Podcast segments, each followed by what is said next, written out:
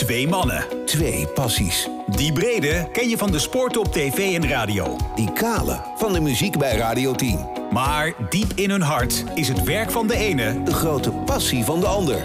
Eén keer per week betreden ze elkaars wereld. Welkom bij Overspel, de podcast. Met Henry Schut En Lex Gaarthuis. Ja, zeker wel. Nummer twee alweer. Wat gaat zo'n week snel. Henry nou, Schut. Nee, maar serieus.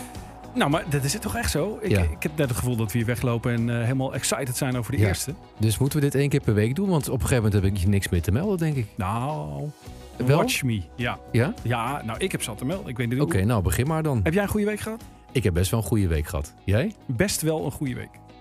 Ja. Nou ja, omdat, kijk, wij, wij praten nu op woensdag. Dus dan moet je zo nadenken, wat heb ik dan tussen donderdag en deze woensdag gedaan? Ja, was best wel leuk. Ja. Ja, ik noem maar een langs de lijn. klinkt dat heel negatief? Nee, maar goed, Nee. eh, een beetje verwend wel. Oh, Ehm, maar nee. bedankt. Ik heb ook een prima week gehad. Ik, eh, nou, ik ben heel erg bezig, maar dan komen we op persoonlijke vlak terecht. Ik ben heel erg bezig met, zit ik in een midlife of niet? Jij bent iets ouder dan ik, hè? Ja, wij schelen zeven jaar. Jij bent veel ouder dan ik, hè?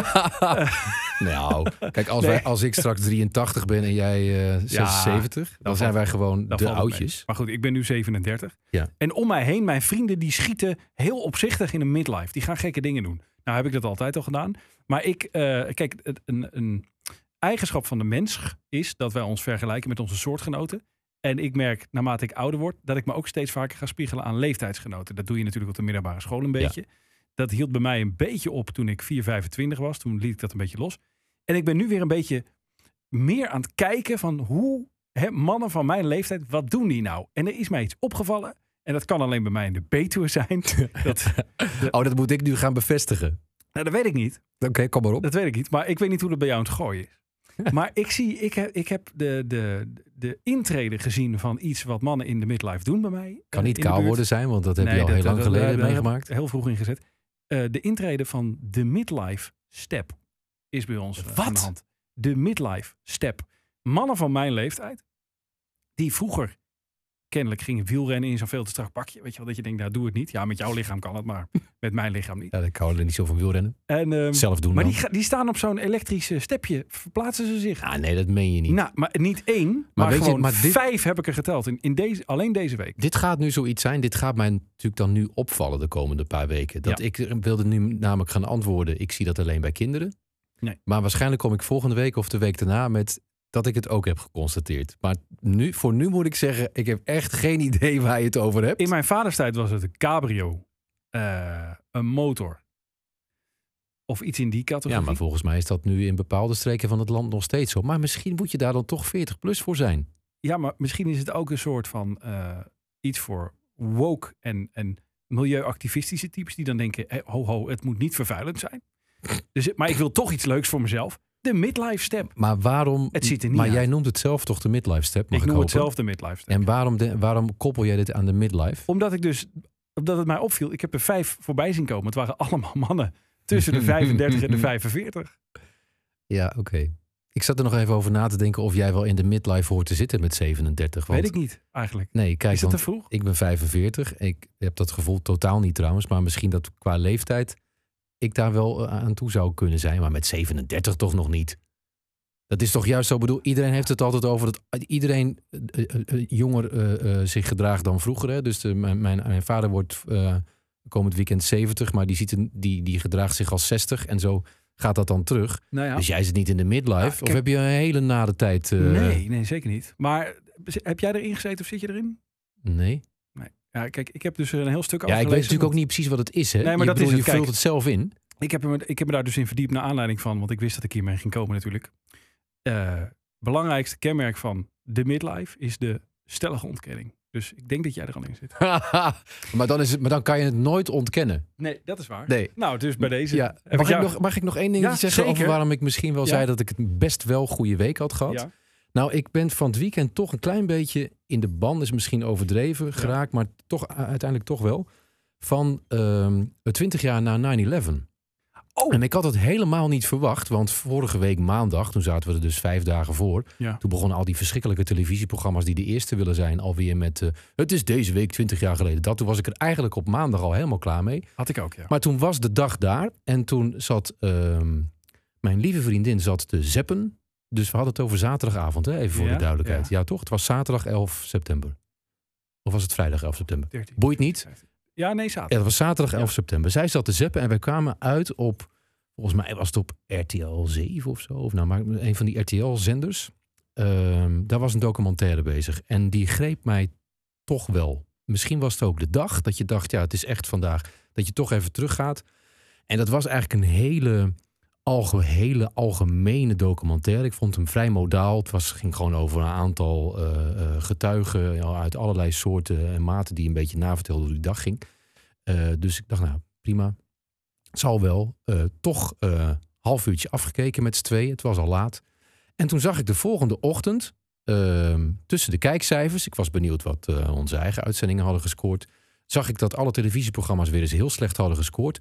Op eentje na een documentaire. Ik dacht, hoe kan dat nou joh? Een documentaire die dan juist veel meer dan de gemiddelde documentaire Ja. eh, aan kijkers trekt.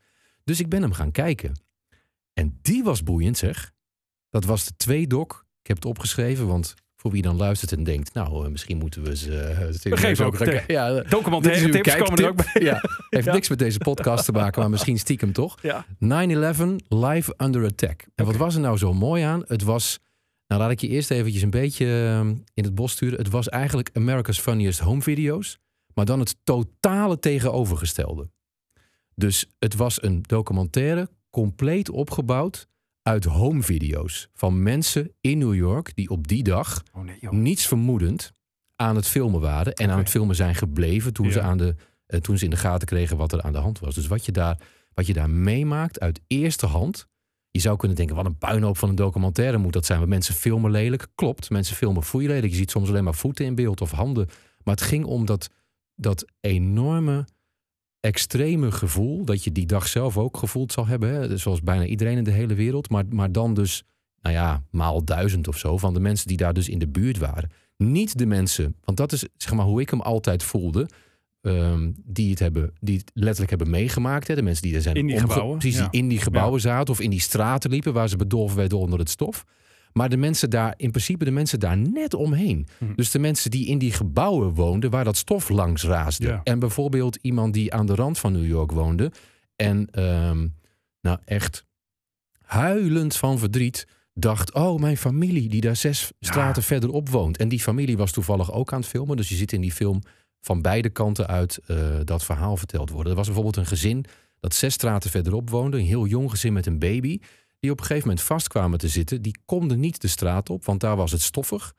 En die durfden verder niks. Dus die hebben een soort doodsangst uitgestaan. Omdat ze natuurlijk totaal toen niet wisten wat er verder zou gaan gebeuren. Misschien ging er ook nog wel een vliegtuig Ja, maar dat hun- is het. Kijk, je- wij weten inderdaad En- hoe het afgelopen Precies, is. wij weten het. Maar je, maar je kruipt dus in die documentaire. En daarom boeide die ook zo. Die anderhalf uur, die vloog echt voorbij in, nou, ik denk in, het voelde als 20 minuten. En toen was anderhalf uur documentaire voorbij. Dan is een goede documentaire. Eh, omdat je de totale ontreddering van al die mensen voelde. En ook de totale onwetendheid. Want er zaten er bijvoorbeeld tussen, die filmden het van de verkeerde kant eh, van de Twin Towers. Dus die dachten dat er een bom in het, Ja, eh, ja, in het pand Die zat. hoorde alleen de klap. Ja, en die ging echt ruzie maken en discussiëren met elkaar. Ja, dit is toch een bom? Je ziet het toch? Het is toch een bom? Nou, ik hoorde op het nieuws dat het een vliegtuig is. Dat soort gesprekken eh, vonden er plaats. En mensen die zeiden, oh, dit is pas het begin. De wereld vergaat. En mensen die gingen filmen hoe er een totale exodus was uit de stad. Dus die filmden op een gegeven moment de brug waar iedereen dan zo de stad uittrok. Omdat iedereen dacht, dit is het einde van de wereld. Er gaat, gaat, er gaat nooit meer goed komen. En dat waren dus invalshoeken die had ik nog nooit bedacht of mezelf bewust gemaakt van, van die ramp. En daardoor keek ik hem echt ademloos uit. Nog één keer de titel?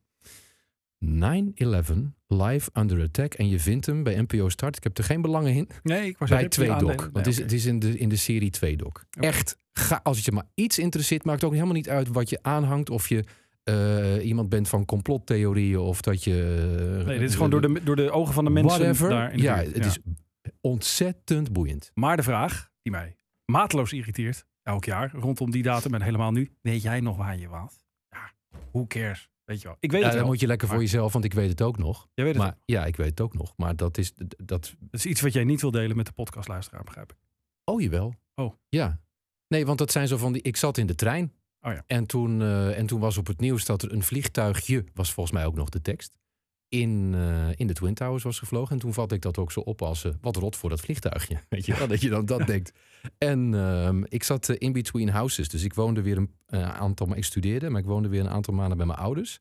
Omdat ik uit een anti-kraakpand was eh, gegaan dat vroeger werd afgebroken dan de bedoeling was. Dus ik woonde weer bij mijn ouders. En ik kwam dus een kwartier later thuis, tv aan. Nou ja, en toen kwamen al die beelden. En jij, geef in de interviewstand. En jij, Lex, Nou, of wil jij het niet delen? nou, ik wil het wel delen, maar het is minder... eh, jij was dus 17. Ik was 17. Ik lag waanzinnige seks te hebben met de televisie aan. Maar ik weet dus niet meer niet. Echt waar? op het moment dat die vliegtuigen erin gingen. Ja, dat is heel raar. hè? Nou, maar ik, eh, ik heb er dus over nagedacht met wie dat dan was. Dat weet ik dus niet meer. Dus mocht je luisteren. Dat betekent dus dat de ramp meer indruk heeft gemaakt dan het meisje. Ja. Dat sowieso. Mocht jij luisteren en denken, oh, dat met hem. Oh ja, dat weet ik nog. Meld Ja, dat- die dan ook dus alleen nog weet dat ze de Ja. tv aan had. Het was 20 jaar geleden. Ik was 17. Zeg, eh, Ja. we moeten door, want mijn vrouw luistert ook naar deze podcast. En ik krijg hier sowieso vragen over. Het jij duikt weer... overspel, hè? Wel? Nee. Jij Jammer. duikt de muziek in, ik duik de sport in. Maar om de volgorde te bepalen, ik heb een muntje geregeld. hey, gaan we tossen. Let op. Komt ie? Is dat een nieuwe twist in deze podcast? Nou, vond ik gewoon wel zo eerlijk. Wil jij kop of munt? kop. Je hebt een echt muntje. Het is niet Siri. Nee, dit is mijn eh, Albert Heijn muntje. Dus hij viel op eh, deze kant. Dus dat is munt. Dan mag jij beginnen. Mag ik beginnen, hè? Oké. Ik ook wel zo netjes, want Ja, ik was net heel lang aan het woord. Nou ja, geeft niks. Overspel, de podcast. Sport. Jouw vriend Maxime Hartman zou zeggen mand. Ja, dat lukt nu al niet meer. Eh, mijn eh, mijn sportfascinatie van deze week kwam. Ik had iets heel anders eh, in gedachten. Want je, je selecteert toch zo door de week heen. En denk je, daar ga ik het over hebben. Nee, komt er iets anders voorbij. Nee, daar ga ik het over hebben. Tot. Ben ik toch wel even benieuwd. Wat, wat wilde je dan in eerste instantie? Ja, dat ga ik niet zeggen, want dat behandel ik misschien later nog. Het is een redelijk universeel onderwerp Oh. namelijk. Dus dat hou ik nog even onder de pet. Maar wat ik wel eh, eh, wil bespreken is een tweetje van een AD-journalist van gisteravond. En dan moet ik zeggen, als je deze podcast later luistert, van dinsdagavond. Het was rond de Champions League wedstrijd Young Boys Man United. Ja. Eh, Maarten Wijfels. Ja. Ken die? Ja. Volgens mij PSV-watcher van het AD. Ja. Die twitterde het volgende. Na de wedstrijd, waar eh, in Young Boys dus in de allerlaatste seconde met Ja. een man meer won door een blunder van Sancho, dacht ik dat het was, van Man United. Eh, als je Young Boys menu Nee, ziet... Lingard, toch? Of Lingard, sorry, Ja. was Lingard, ja. Die gaf een fantastische assist, maar wel de mooie verkeerde. assist, ja. Eh, Maarten die twitterde, als je Young Boys Man United ziet, zou het een interessant experiment zijn. Altijd 11 tegen 10 in dit soort duels vanaf de aftrap. Dan mogen de menus van deze wereld nog steeds topspelers stapelen in hun selectie tegen 400.000 euro salaris per week. Maar krijgen alle Champions League clubs uit kleinere liga's één man meer. Laat dit even op je inwerken. Ja, weet je het nog een keer zeggen? Nou, hij stelt dus eigenlijk in het kort voor dat de grote teams in de Champions League voortaan met 10 man beginnen tegen 11 van de kleinere clubs. Maar ik Om snap niet zo goed waarom die. Oh, omdat. Ja, oké. eerlijker want te Manchester. United verloor in de eerste helft een man met een rode kaart. Ja, en daarna. en daar, maar ik, daarna waar werd het gelijkwaardige kwijtraakte was dat hij het. Nou- hij vond het natuurlijk een spannende wedstrijd, maar ik vond eigenlijk helemaal wat ik ervan gezien en gelezen heb helemaal geen leuke wedstrijd. Maar Nou, dat bedoelt ik heb hij ook wel- niet. ik- hij ik bedoelt heb- natuurlijk dat, dat dit wel de grote clubs in evenwicht kan brengen Ja, met, de kleinere clubs. Eh, en toen kwam er weer iets naar boven waar ik al jaren mezelf aan erger. Niet alleen in het voetbal, maar ook in andere sporten. Maar eigenlijk vooral in het voetbal. De, de soort van eh, drang om het spel te perfectioneren. Ik denk dat dat erachter zit. Marco van Basten heeft ook zo'n functie gehad. Hè? Bij de, was het bij de UEFA? Dacht het wel. Ja. Ehm, en de de grootste exponent daarvan is de VAR. Maar er worden ook bijvoorbeeld... eh, Oh, zo bedoel je het? Ja, je bedoelt de regels te perfectioneren. Want dat vind ik nog iets anders dan het spel te perfectioneren. Want dat kan je aan nou, de dat is, dat, dat is weer iets anders. Ja. Maar zeg maar, de, Ja. via regels, Ja. hè, vernieuwing. Ja. Er wordt elke jaar er worden ook testen gedaan met bijvoorbeeld eh, eh, niet ingooien, maar inschieten. Dat soort dingetjes. Ja. En ik, ik, ik ben best wel, misschien ben ik te puriteins. Misschien ben ik te orthodox. Dat weet ik niet. Maar ik, de- de VAR gaat me eigenlijk al grotendeels te ver. Ze, ze komen er al een beetje van terug, hè? Want de scheidsrechters hoeven niet meer voor elk wisselwasje naar de kant. Dat is in de eredivisie Nee, de VAR heeft al eigenlijk heel veel levens gehad. Je, Toch? je- Ja. Ja. Er zijn heel veel tinten grijs in de VAR. eh, Exact. Dus- en, en die zijn de ene keer grijzer dan de andere keer. Ja, Dat gaat met golven, dat vind ik ook, ja. Maar ik ging dus eventjes, want ik dacht, ja, Maarten Wijfels is, die heeft gewoon een paar, paar whiskytjes op nu, de late avond. En die gooit wat op Twitter. Maar dit is toch gewoon een, een alternatieve manier om te zeggen dat hij het leuk vond dat deze wedstrijd boeide. Terwijl je denkt dat Nee, United bedoelde, hij, met 4-0 gaat dit winnen. bedoelde hij bloedserieus. Dat begreep ik ook uit de, de, dus als hij de Marco conversatie die daaronder die, kwam. in die oude Had hij functie, dit voorgesteld? dan zou hij dit serieus hebben Ja. voorgesteld. Nou spreek jij Marco wel eens, want die is wel, an- Ja. wel eens eh, analist. Hè? ja, ik zou het hem ook kunnen vragen. Ik weet niet of hij antwoord geeft. Nou ja, op ik weet niet of dit een van, de, een van de dingen... Nou ja, jij zegt belachelijk voorstel, maar er kwamen toch ook aardig wat mensen op... die, eh, die dit wel een interessant eh, idee vonden. En dan gaat het mij niet zozeer om die tweeten van Maarten. Want ja, die gooit het op Twitter. Kan.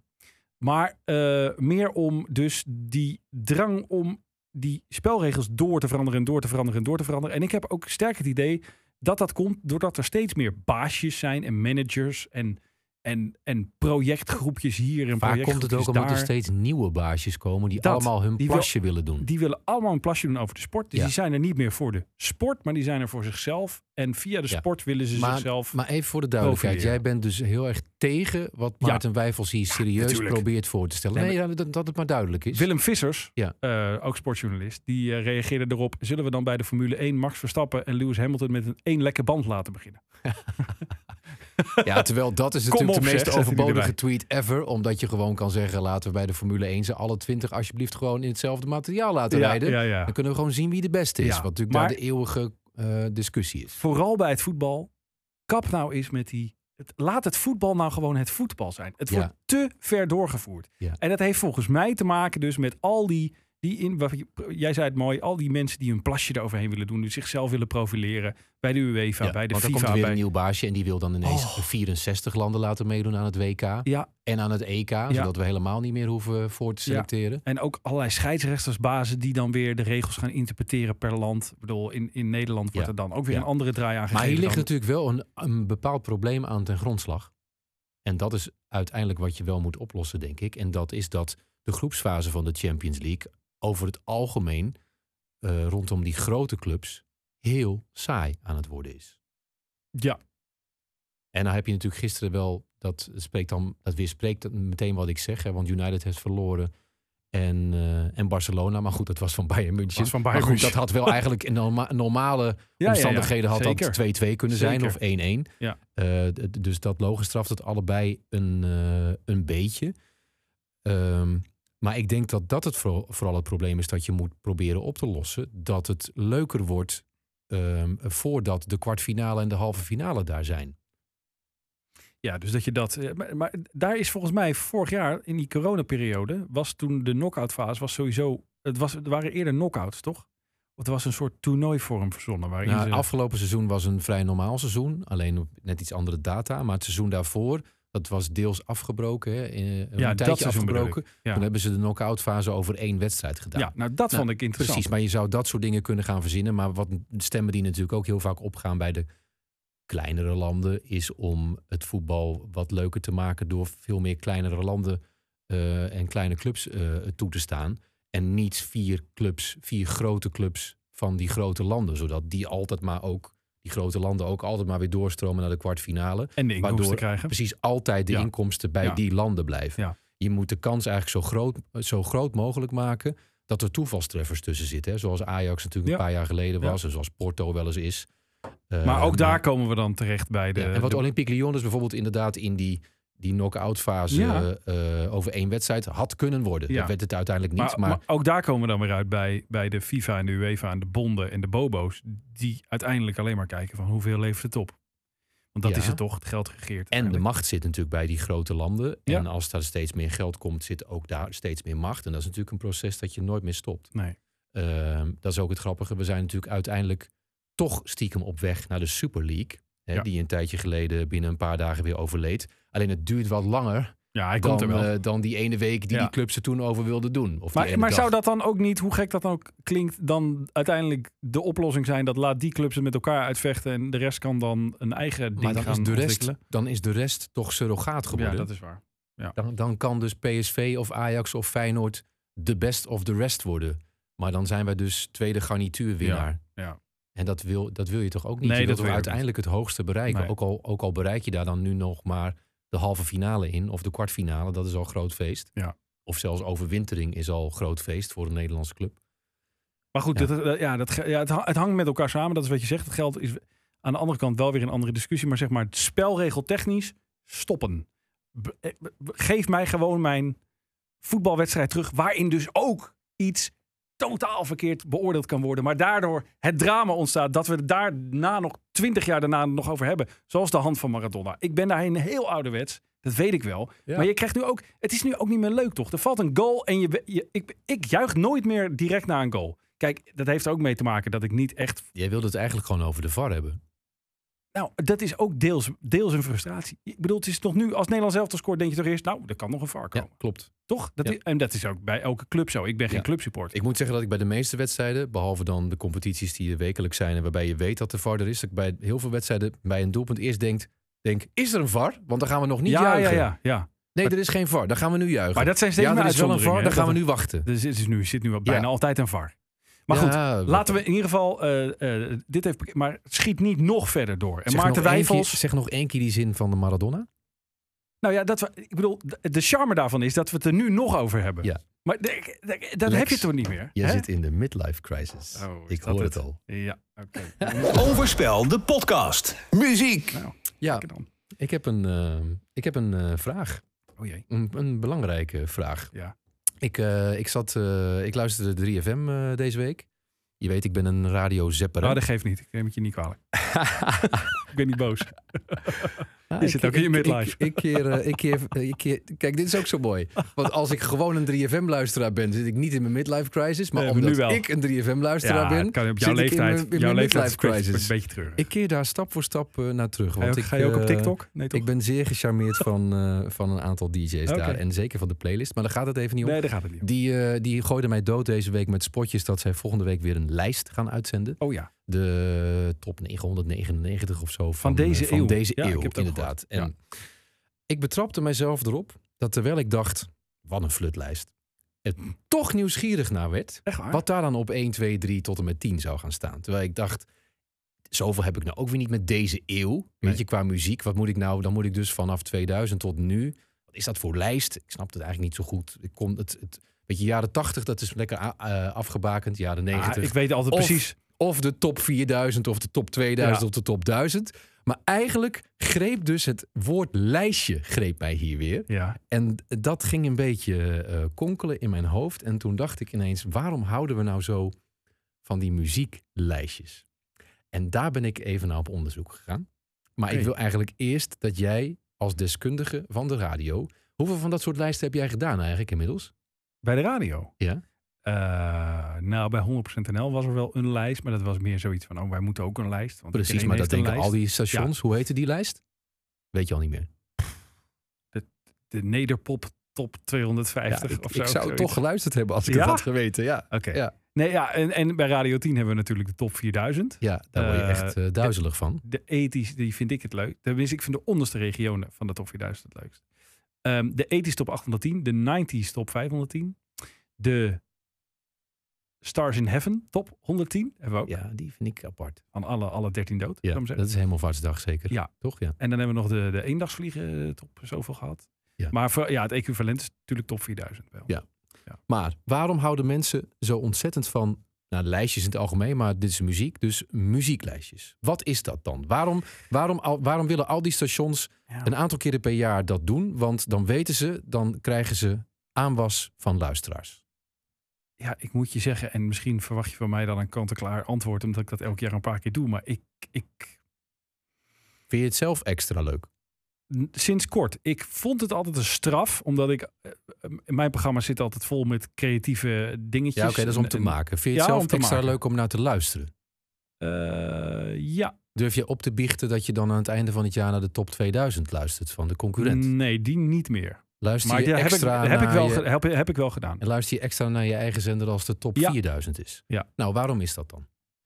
Ja, omdat je. Nou, ik denk dat het ook te maken heeft met dat je, dat je ook weer eens wat meer variatie hoort in de muziek. Ook liedjes die je vergeten bent, die je misschien nog niet kent. Dat had ik bij de eerste keren dat ik de top 4000 presenteerde. Als, als jongste jock. Dacht ik, dan had ik echt. Ik had iemand bij mijn programma gezet, Harry van der Heijden, nieuwslezer, die een stuk ouder is dan ik. Met die reden ook onder andere. Dat ik af en toe wil zeggen: Ja. hey, hoe spreek je dit uit? Wat is, wat is dit?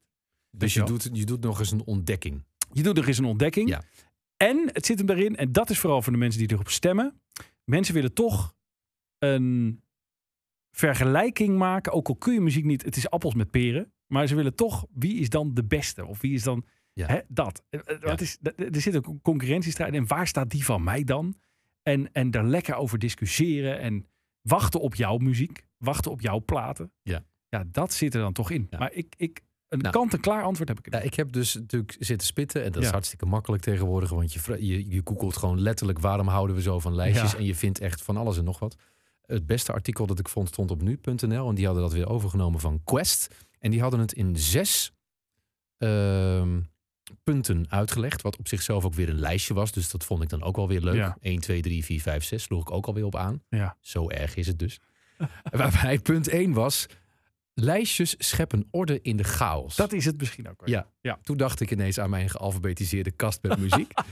maar ja, Ja. eh, een lijstje. Ik citeer nu een, een psycholinguïst. Zo. Rijn Kozijn van de Universiteit van die? Tilburg. Ja, ik noem het er maar even. Rijn Kozijn. Rijnko ja, mooi. Ja, is Rijn mooi. met EI in Kozijn. een lijstje zijn met mooie namen, zou die daar Een lijstje is een boei in een enorme zee van informatie. Ah, Ze zijn niet wetenschappelijk. Dat zoiets zei jij net eigenlijk ook ja, al. hè? klopt. En vaak willekeurig zelfs. Maar dat maakt niet uit.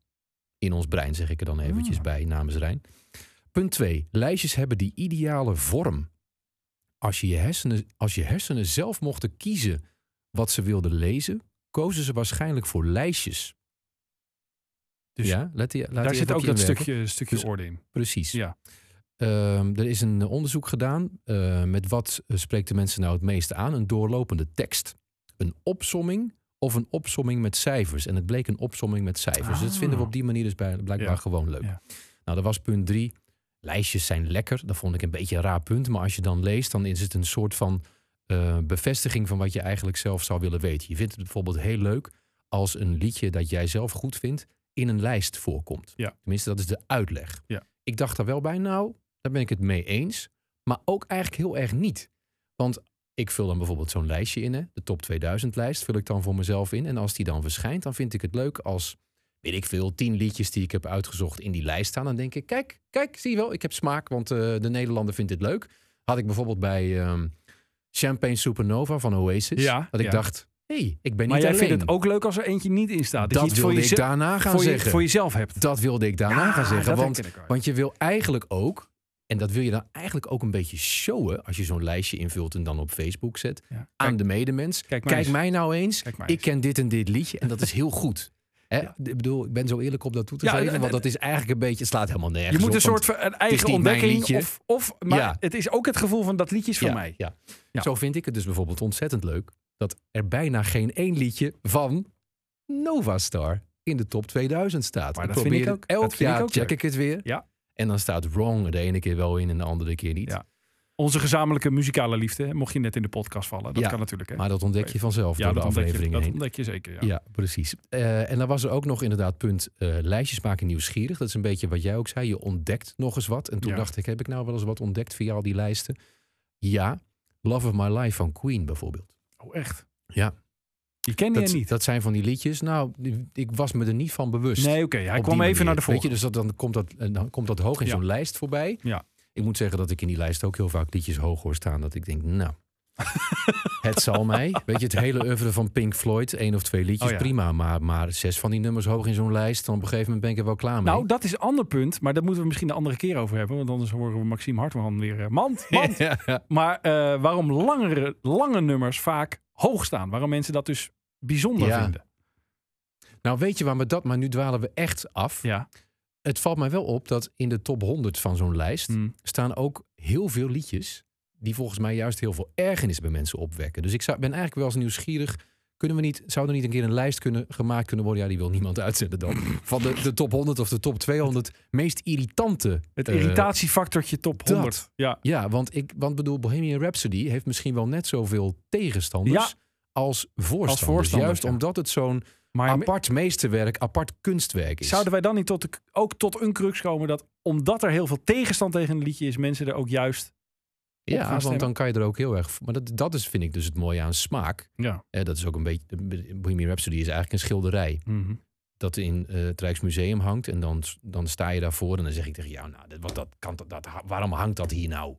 Dat is toch ontzettend lelijk. En dan zeg jij, nee, kijk dan.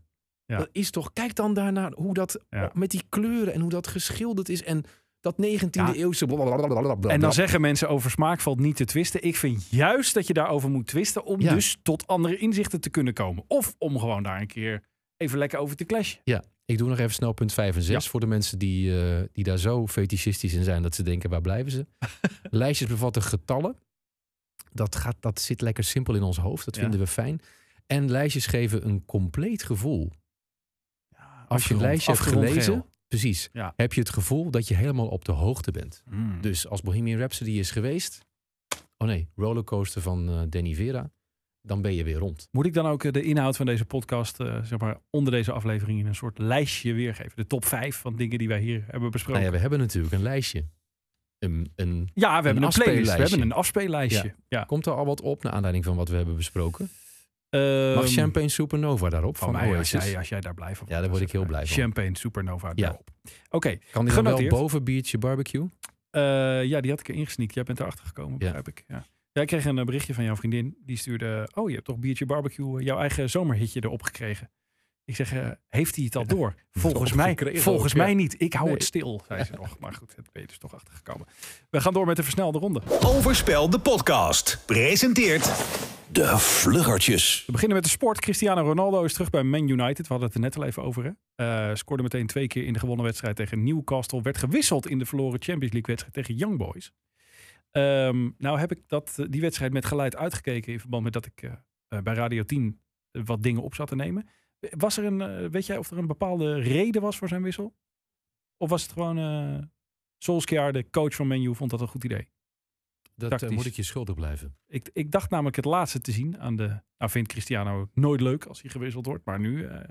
ik denk dus dat de komst van Cristiano het einde gaat betekenen van die Solskjaer. Dat denk ik wel. Echt waar? Ja, dat denk ik echt. Ja.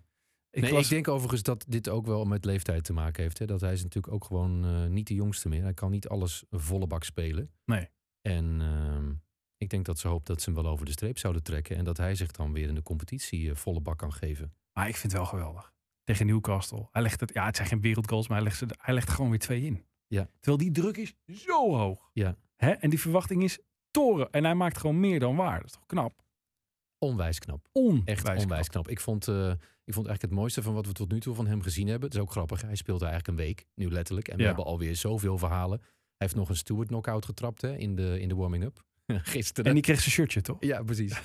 Eh, de, zijn eerste competitiegoal, want daar is een filmpje van. Eh, dan, dan zie je iemand vanaf de hoekvlag dat zo filmen. En die draait dan zo mee met Ronaldo, die zijn doel, de eerste doelpunt daar eh, viert. En de eerste persoon die bij hem zou kunnen zijn, Ja.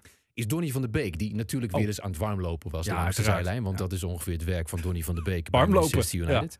Behalve dan gisteren stond hij in de basis, maar Ja. werd hij in de rust alweer gewisseld. Donny van de Bank wordt hij bij ons Donny eh, in de vriendenclub eh, genoemd. Die, zou, die had de eerste kunnen zijn, maar je zag, je zag Donny. Nu vul ik echt in wat Donny denkt, dus het kan helemaal niet waar zijn. Maar je zag Donny denken: eh, zal, zal ik dan de eerste zijn die de, eer- met de eerste goal van Ronaldo. De eerste is die, als niet basisspeler zelfs dan, met Ronaldo dit gaat vieren. En toen hield hij zich een split second in. Ja, En toen was hij te laat. toen toen Zelfs- er dus al zelfs daar zes was te laat. Ja, stonden er al zes basisspelers omheen. En toen zag je een beetje zo halfjes. ja, ja. eh, bij Jiskevet was het geloof ik, zouden zeggen, lafjes tegenaan hangen. Ja, lekker. Dan hing die, hing die een beetje zo nog aan de buitenkant van die groep er zo bij. Ook daar was hij reserve, zo kunnen we het eigenlijk zeggen. Ja. Wel, ja. Eh, het Wereld Antidopingagentschap gaat volgend jaar bekijken of cannabis van de lijst met verboden middelen geschrapt kan worden. In 2022 wordt een wetenschappelijk onderzoek uitgevoerd. Ik moest er vooral heel erg op lachen toen ik het las. Eh, zo meldde de WADA na een vergadering van het uitvoerend comité. Eh WADA kreeg verzoeken om de status van cannabis te herzien, omdat het middel geen prestatieverhogende invloed heeft. Volgens atleten en andere belanghebbenden zijn de regels met betrekking tot cannabis gedateerd. Dus er is ooit iemand bij de WADA die gezegd heeft: ja, je kunt blowen. En daar kun je dan een betere sportprestatie door had die vergadering willen zien. Nou ja, ik, ik ben vooral zo benieuwd. Kijk, mijn, erva- heb jij ervaringen met cannabis? Nee, Nee. Dat toch weer die eh Barneveldse... was niet verkrijgbaar bij ons. Was niet, het was het niet. Maar, Nou, ik heb er wel wat ervaring mee. Ja, was het in de Betuwe? Nee, ja, ik kom niet uit de Betuwe. Oh. Ik kom eh, oorspronkelijk uit de Randstad. Eh, Ik Sodom en Gomorra, daar wist jij toen niks van. Die, Nee. was wat, jongen. Ik zal je nog eens verhalen vertellen. Nee, ik ging wel naar hiphopconcerten vroeger. Van MOP en dat soort groepen. Ja. Nou, daar, ging, de, daar gingen de spliffs vrolijk in de ronde. ja. Ik heb natuurlijk zeven jaar in Amsterdam gewoond. Dus Ja, dan heb je het eigenlijk helemaal niet Tuurlijk. nodig om het zelf te gebruiken. Nee. Want Nee, gewoon... dat, is, dat is wel echt fantastisch als je dan een keer bezoek krijgt. Ik heb Ja. er wel eens eh, b- buitenlandse vrienden over gehad. En die raakten niet uitgepraat over dat zij vinden dat de hele stad daarna ruikt. Maar als je daar woont, ruik je het niet meer. heb je geen idee. Maar jij was gewoon knetterstoned eh, die al die jaren. Dat zou op Ja. zich kunnen, ja. Ja, ik heb wel oude sportjournaals terug zitten kijken. dat ik dacht, veel. eh, Ja. Maar eh, dat, het, het, het, er is dus een kans dat het van de dopinglijst afgaat. Maar het verbaasde mij vooral dat het erop stond. Wat het mij eigenlijk verbaasde is dat het nu een kans bestaat dat het eraf gaat. Omdat er een, denk ik, ik denk dat dat eigenlijk de aanleiding is. Het is een Amerikaanse sprintster eh, van Ja. de speler geweerd, Richardson. Ja. Die eh, heel snel had gelopen, volgens mij 10.72 of zo, eh, op de Amerikaanse trials. En die het daar, die vlak daarvoor gebruikt bleek te hebben. daardoor niet naar de Spelen mocht. Eh, en dan heb ik toch wel altijd ja, ook het idee dat als Amerika dan zegt, ja maar is dit dan wel eerlijk? Dat we dan, Dat dan serieus naar harder gaan lopen. Maar, is er, maar weet jij, ik bedoel, jij zit meer in die sport uitvoeren dan ik. Is er, is er een positief effect van cannabis te noemen op dat nou, vlak? het lijkt me op het moment zelf niet. Want ik denk niet dat je de 1072 van gaat lopen op de Mm, 100 dat meter. sowieso als je niet. dat net hebt gebruikt. Ik kan me wel voorstellen dat, maar dat geldt natuurlijk voor heel veel middelen en zaken in het leven. Dat als je op zijn tijd een bepaalde ontspanning voelt Ja. in de druk van zo'n carrière, dat je er op die manier wat aan hebt. hè. Dus als goed, jij dat kan je ook door... Stel de eh, Olympische Spelen zijn over drie weken. Je bent daar ontzettend gestrest over met alle druk die dat met zich meebrengt. En je doet eh, een cannabisje. Ja. Dan helpt dat denk ik voor die dag en de dag daarna wel om je enigszins te ontspannen. Ja, maar goed, Ja. dan kun je ook andere dingen gaan verbieden. Zij verklaarde overigens dat, dat ze het gebruikte omdat haar moeder net overleden was en ze even haar zorgen wilde vergeten. Ja. Ja. Nou ja, wat ons betreft kan hij eraf, dat hoor je al. De muziekvluggetjes. Het is, eh, nou, we hadden het over eh, 9-11, dat is een eh, minder leuke herinnering. Maar het is eh, vijf jaar langer geleden, 25 jaar geleden, dat rapper Tupac overleed. Nou zijn we allebei wel hip-hop heads. Maar het schijnt dat er, eh, sowieso een grappig feitje, eh, eerder deze maand is de auto waarin hij werd neergeschoten geveild voor 1,7 miljoen dollar. Dat vind ik sowieso een bizar eh, ding. Dat heeft dus 1,7 opgebracht. Ja, hij is te koop gezet en ook opgebracht uiteindelijk. Dat heb ik Zo. nog even nagezocht. Daar zijn dus gekken die dat daarvoor betalen. Dat is één. Maar er schijnt ook weer nieuwe muziek aan te, nieuwe muziek aan te komen. Eh, oftewel, de erven Shakur hebben nog ergens op een plank Ja. wat losse verses gevonden waar dan weer andere beats onder worden Ja. geproduceerd. Nou, Nou, we hebben het vorige week over ABBA gehad. dat. Volgens mij toen ook over Michael Jackson. Ja. Samen met Justin Timberlake nog op een plaat gezet. Dat is eigenlijk het beste wat ik ooit heb gehoord van een, van een artiest die uit de mottenballen wordt getrokken. Maar ik ga dit niet hoeven horen hoor. Nee, Jij? ik ook niet. Nee, nee, Nee. nee. Hou ermee op. Want het, zijn, het, het is altijd nabewerkt. En, en soms denk ik zelfs, en dat had ik bij die Jackson dingen. Is dit nou de echte Jackson? Ja. Of, of, of zingt iemand anders dit dan Ja. nog in die dat heel goed kan imiteren? Er zijn er genoeg van. Nou is Tupac wat moeilijker. Maar je, ik bedoel, als je op YouTube intypt eh, maar de technieken zijn toch Rapper- wel zo goed. Dat rapper als je, impressions, dan al vind je een paar. Tupac-imitatoren. maar ik heb al het gevoel dat als je al zijn muziek in een blender stopt, in een muzikale eh, eh, fabriek, dat je de, bijna de, de, uit kan, de, de al nieuwe muziek uit kan eh, Ja. destilleren. Maar goed, wij zitten er niet op te wachten. Nee. Oké. Nou, lekker kort. Dus door, wel lekker kort. En eh, we kennen hem als oprichter van Studio 100 en het voormalig baasje van Samson. Maar Gert Verhulst kan nog iets aan zijn cv toevoegen. Nou, Hij gaat een album maken. eh, sterker nog, dat verschijnt deze week. Eh, zijn mooiste liedjes, waarop hij 12 nummers uit de Studio 100 repertoire in een nieuw jasje giet. Het is dus een serieus album. Dus het is niet van... ik moest kloppen, kloppen, kloppen, want de bel doet het niet. De- dat, dat niet. Hij gaat echt mooi. Beetje zoals André van Duin ook serieuze albums heeft gemaakt. Ik zal het je nog sterker vertellen. Het album staat al online. Het staat er al. Ik heb er iets van geluisterd. Oh jee. Ehm, het viel me op dat het meest populaire liedje tot nu toe van het album het enige liedje is waarop andere artiesten meedoen. En één daarvan is Jan Smit. Echt waar? Ja, Die doet toch dus ook het alles voor liedje, geld. het liedje Mooi Zo op dat album. Daar, nou ja, daar ehm redt Jan Smit de meubelen, zou ik maar zeggen. Oh. En verder kreeg ik hier een soort Fatima Morera de Melo flashback van. Wat kon, eh, wat kon ze hockeyen, die meid. Ja. Dat. Ja, ja. Nou, dan houden we het daarbij. Wat ik overigens, eh, het- ik noemde André van Duin, maar daar werd ik ook altijd ongemakkelijk als hij dan hele mooie kleine liedjes ging zingen vroeger. Nu vind ik het wel mooi. Ja, ik vind als de zon schijnt bijvoorbeeld. Ja, ik had het over de serieuze ballads. Is het, als de zon Als de schijnt, zon is toch een serieus liedje? is dat een serieus liedje? Nou, dat is niet een typetje. Dat is André van Duin. De bakkersvrouw rolt door het deeg. Oh, wat is het leven fijn als de zon schijnt. Ik weet het niet hoor. Ken jij het duet Vrienden blijven doen we altijd? Ja. Met Willeke Alberti? De vrienden blijven doen we altijd. ja, die ken ik ja. Kun je er nog één Moet keer- ik die Wacht. ook aan die, aan die lijst toevoegen? Nee, wacht, we hebben nog geen beeldmateriaal van Nee. deze. Ik, ik, oh, Ja, maar dan geef ik mezelf wel een galmpje. Dat zie je niet op het beeld. Maar, eh, dat, is- ik ik neem het nu op. Maar maar zet jij voor- dan de tweede stem in als Willeke maar wil je Alberti? dan alsjeblieft hetzelfde hoofd erbij trekken Ik als, je, probeer dit, hè? als je net deed? Ja. En 3, 2, 1. Echte vrienden blijven doen we altijd. Ja, meer ken ik niet. Iets, het is een feit dat echte, Spreekwoord zeg. dat echte vriendschap niet Oh, slijt. dat stond al uit. Oh, jammer. Ja. Je raakt het heel je leven niet meer kwijt. Nou, hè, gadverdamme, zit dat liedje in mijn hoofd schud. Waarom doe je dat nou?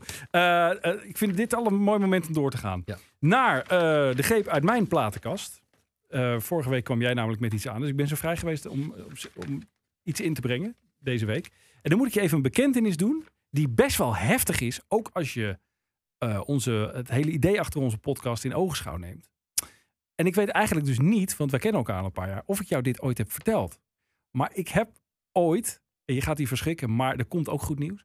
Ik heb ooit mijn hele CD-collectie verkocht Nee! aan een opkoper. Ik heb dit jou nog niet verteld. Oh. Dus fysieke eh, CD's Wanneer meenemen. was dat? eh, drie, vier jaar geleden. Oh. Voor een verhuizing. Ik gebruikte die dingen niet meer. Ik had geen CD-speler meer, alleen in de auto. En daar slingeren ze altijd rond. Daar hou ik niet van, rommel. Dus ik heb alles verkocht. Ik heb daar spijt van. Nou, niet als haar op mijn hoofd in mijn geval. maar als andere dingen die ik dan veel heb. Ik weet nog even niet wat. Ehm, dus ik heb geen fysieke CD's meer. Ik heb, de enige CD die ik nog heb, is van mijn eigen bandje. Daar moeten we het ook nog een keer over hebben. Mayday. Maar goed, dat is meer omdat we daar nog heel veel van over hadden. Want die wilde die Ik heb nog zoveel te leren over jou. Ja. Maar ik heb dus eh, die hele CD-collectie gedigitaliseerd als in, in Spotify gezet. Er waren een paar titels die er niet in stonden. Maar de, het grootste deel stond er wel in. Dus alles wat ik had, fysiek op CD, weet ik nog, omdat dat in een lijst staat. Ja. Dus, dat, dus ik heb er iets uitgepikt. En ik dacht, waar moet ik dan beginnen? Laat dit trouwens even bezinken, maar daar hebben we geen tijd voor. Moet, moeten door. Ehm, ik dacht, waar moet ik dan beginnen? Want jij, jij had vorige week een soort blinde greep gedaan. Ik Ja. heb dit gedaan. Even gedraaid met een pim-pam-pet spel wat ik vond op zolder. Joh. Eh, daar kwam een beginletter uit. En misschien is dat ook een leuke vorm om vanaf nu eh, aan te houden. Bij mij kwam er de C uit. En ik ging dus zoeken in die lijst die mijn CD-collectie vertegenwoordigde. En toen kwam ik uit bij de C van Chris. Dan heb je, kan je er nog heel veel. Isaac. Nee. De Burke. Vind ik ook fantastisch trouwens. Chris Isaac. Komt vast nog wel een keer wat voorbij. Toffer Cross. Chris Ria. Chris Cross. Oh, Ja, oh. Dat is dus zo'n artiest. Ik noem het wel. Als ik een paar wijntjes op heb, durf ik toe te geven aan vrienden dat ik dat te gek vind. Chris Ria. Dus niet dat verschrikkelijke kerstliedje. Driving Home for Christmas. Daar kan je echt On the Beach. On the Beach vind ik wel geweldig. Josephine. Eigenlijk vind ik alles geweldig, behalve dat kerstliedje. Maar ik heb dus niet de Josephine of de On the Beach meegenomen. Ik heb meegenomen Looking for the Summer. Oh ja, die ken ik ook, ja. Oh, die ken je? Ja. Waanzinnig. En eh, dat is altijd een liedje wat ik opzet als het herfst wordt. Of als we, nou eigenlijk in de donkere maanden, zeg maar. En deze week gaat als de rest van de wereld driving home for Christmas, dan doe jij looking for the summer. Ja, omdat dat het, gevoel weer geeft van... Ik, ja, precies. Ik zoek, ik zoek naar die zomer. En de stem van Chris Ria, ik heb even gedacht, hoe zou ik die nou omschrijven? Dat is eigenlijk een heerlijke, zoete, zachte pot honing... waar je een bak glasscherven in leeggooit. En dat dan elkaar mengt. Dat vind ik de stem van Chris Ria. En dat spreekt me zo aan. Die man kan een boodschappenlijst zingen. Ik vind het fantastisch. Het is ook heel erg cult volgens veel mensen. Maar dat vind ik dus niet. De man speelt eh, overigens nog steeds eh, eh, optredens. Tenminste, voor de corona deed hij dat nog. Ik heb gisteren nog een heel concert uit 2017 zitten kijken. De man, hij staat er nog en hij speelt nog fantastisch. Maar Klinkt je- nog hetzelfde. Denk je niet dat mensen het cult vinden vanwege driving home Ja, for Christmas? Maar dat is dus de misvatting over Chris Ria. ja. Die heeft zo verschrikkelijk veel goede liedjes Ja, gemaakt. die dat ook nooit bedoeld heeft als kijk mij nou even Nee. groots hier een kerstplaat Nee, neerzetten. nee, nee, Hè, dat hebben we er zelf van gemaakt uiteindelijk. Ja. Maar de vraag is dus, in Spotify of Spotify, want zo heet het item, Gaan we die aan onze Spotify-lijst toevoegen of niet? Je kent het liedje, Looking for the Summer. Wat was de procedure nou? Jij pakt iets uit je kast, dus ik bepaal of jij het mag terugzetten. nou, in overleg. Ja, wat hier, wat hier dus in letterlijke zin niet het geval is. Maar dan moet je dus Nee. een... Nou, ik, ik kan hem dus wel uit mijn... eh, Ja, je kan hem deleten. Ik kan hem deleten. Ja. Nee, ik vind dat Looking for the Summer... Ja. Dat doet mij heel erg denken, en daarom ga ik het antwoord geven wat ik eh, ga geven. Ja. Aan, de periode dat ik eh, MTV verslond. Oh, Eh, dan had je de... het is uit de- 1991. Precies, dan had je de Brown MTV European Top 20. Ja. En daar stond Chris Ria ook heel lang in met het liedje Auberge. Het komt ook? van hetzelfde album. Ja, precies. Dat En- hele album en is waanzinnig Omdat trouwens. het, je hebt mazzel, omdat het van hetzelfde album komt.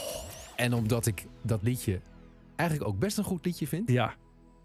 zeg ik, hoe was het ook weer? Spotify. Spotify. Ja. Ah, oh, Nou, nou, even oefenen hoor. pak van mijn hart. Nou, ik kwam er dus eh, op weg hier naartoe achter dat dat hele album geremasterd is. En daar ben ik normaal niet zo, niet zo van. Dan denk ik, ja, waarom moet dat nou weer? Het is een beetje goedkoop. Maar in dit geval, oh, nog vetter dat album. Het klinkt nog mooi. Ja, ik ben muzikant van huis uit. Ik, ik ben een nerd wat betreft eh, ja, de audio en hoe, hoe een album klinkt. En dat, dat kan al de helft maken van een liedje. Ik ga je onderbreken, want we zitten echt aan de tijd. Ik weet Wij het, voegen maar toe aan ons eh, Spotify-lijstje Champagne Supernova ja, van Oasis. Al was het maar omdat ik ook wat erop mag zetten, Ja, omdat jij met klopt. je beachje barbecue. ja. Eh, looking for the summer. Looking for en the summer. dan heb ik nog een belangrijke slotvraag. ja. Ik heb jou deze week een kleine opdracht gegeven. Dat Ja, was naar aanleiding van mijn blinde greep van vorige week. ja. Tony Scott. Tony ik Scott. heb me de hele week rot gezocht. Ik dacht elke dag weer opnieuw. Staat hij er misschien vandaag dan wel op? Hij staat niet op Spotify. Nee. En ik wil het zo graag. En ik vind dat het moet. Want ik vind dat iedereen die nu leeft. en die niet van de generatie Tony Scott is. het moet kunnen vinden op Spotify. Heb jij hem zelf gevraagd waarom het zo is? Want jij, Ja. komt- jij Ik heb het hem gevraagd, maar ik heb nog geen antwoord. via Facebook. Hè? Het is niet dat je hem elke dag. Ik heb inmiddels ook zijn nummer, maar ik krijg hem niet te pakken. Het is een moeilijk te pakken krijgen artiest, maar alleen al om de lengte van de podcast is het misschien leuk dat we hier volgende week op terugkomen. Want ik stel mij als doel om hem voor volgende week persoonlijk te hebben gesproken. Ja. Of dat we hem in deze podcast spreken. Dat zou ook nog kunnen. Dan ga ik deze week toch weer mijn cd'tjes van Tony Scott uit de kast trekken. En draaien. Ja, zou ik zeker doen. Eh, mocht je de playlist van deze podcast willen zoeken, eh, ga dan even naar ons Instagram-account, instagram.com slash overspeldepodcast. Daar eh, vind je het linkje. En dan kun je al die platen en het beeldmateriaal behoren bij deze podcast. Checken. Henry, Ja. tot volgende week. Ik vond de kortjes toch weer iets te lang. Ja, het was net, maar net iets te lang. Hè? Ja. Dat kijken we volgende week ook even. Dit was Overspel, de podcast. Abonneer je gratis en vergeet niet je recensie achter te laten op jouw favoriete podcastplatform. Meer Overspel met Henry en Lex? Volg de mannen op instagram.com slash overspel de podcast.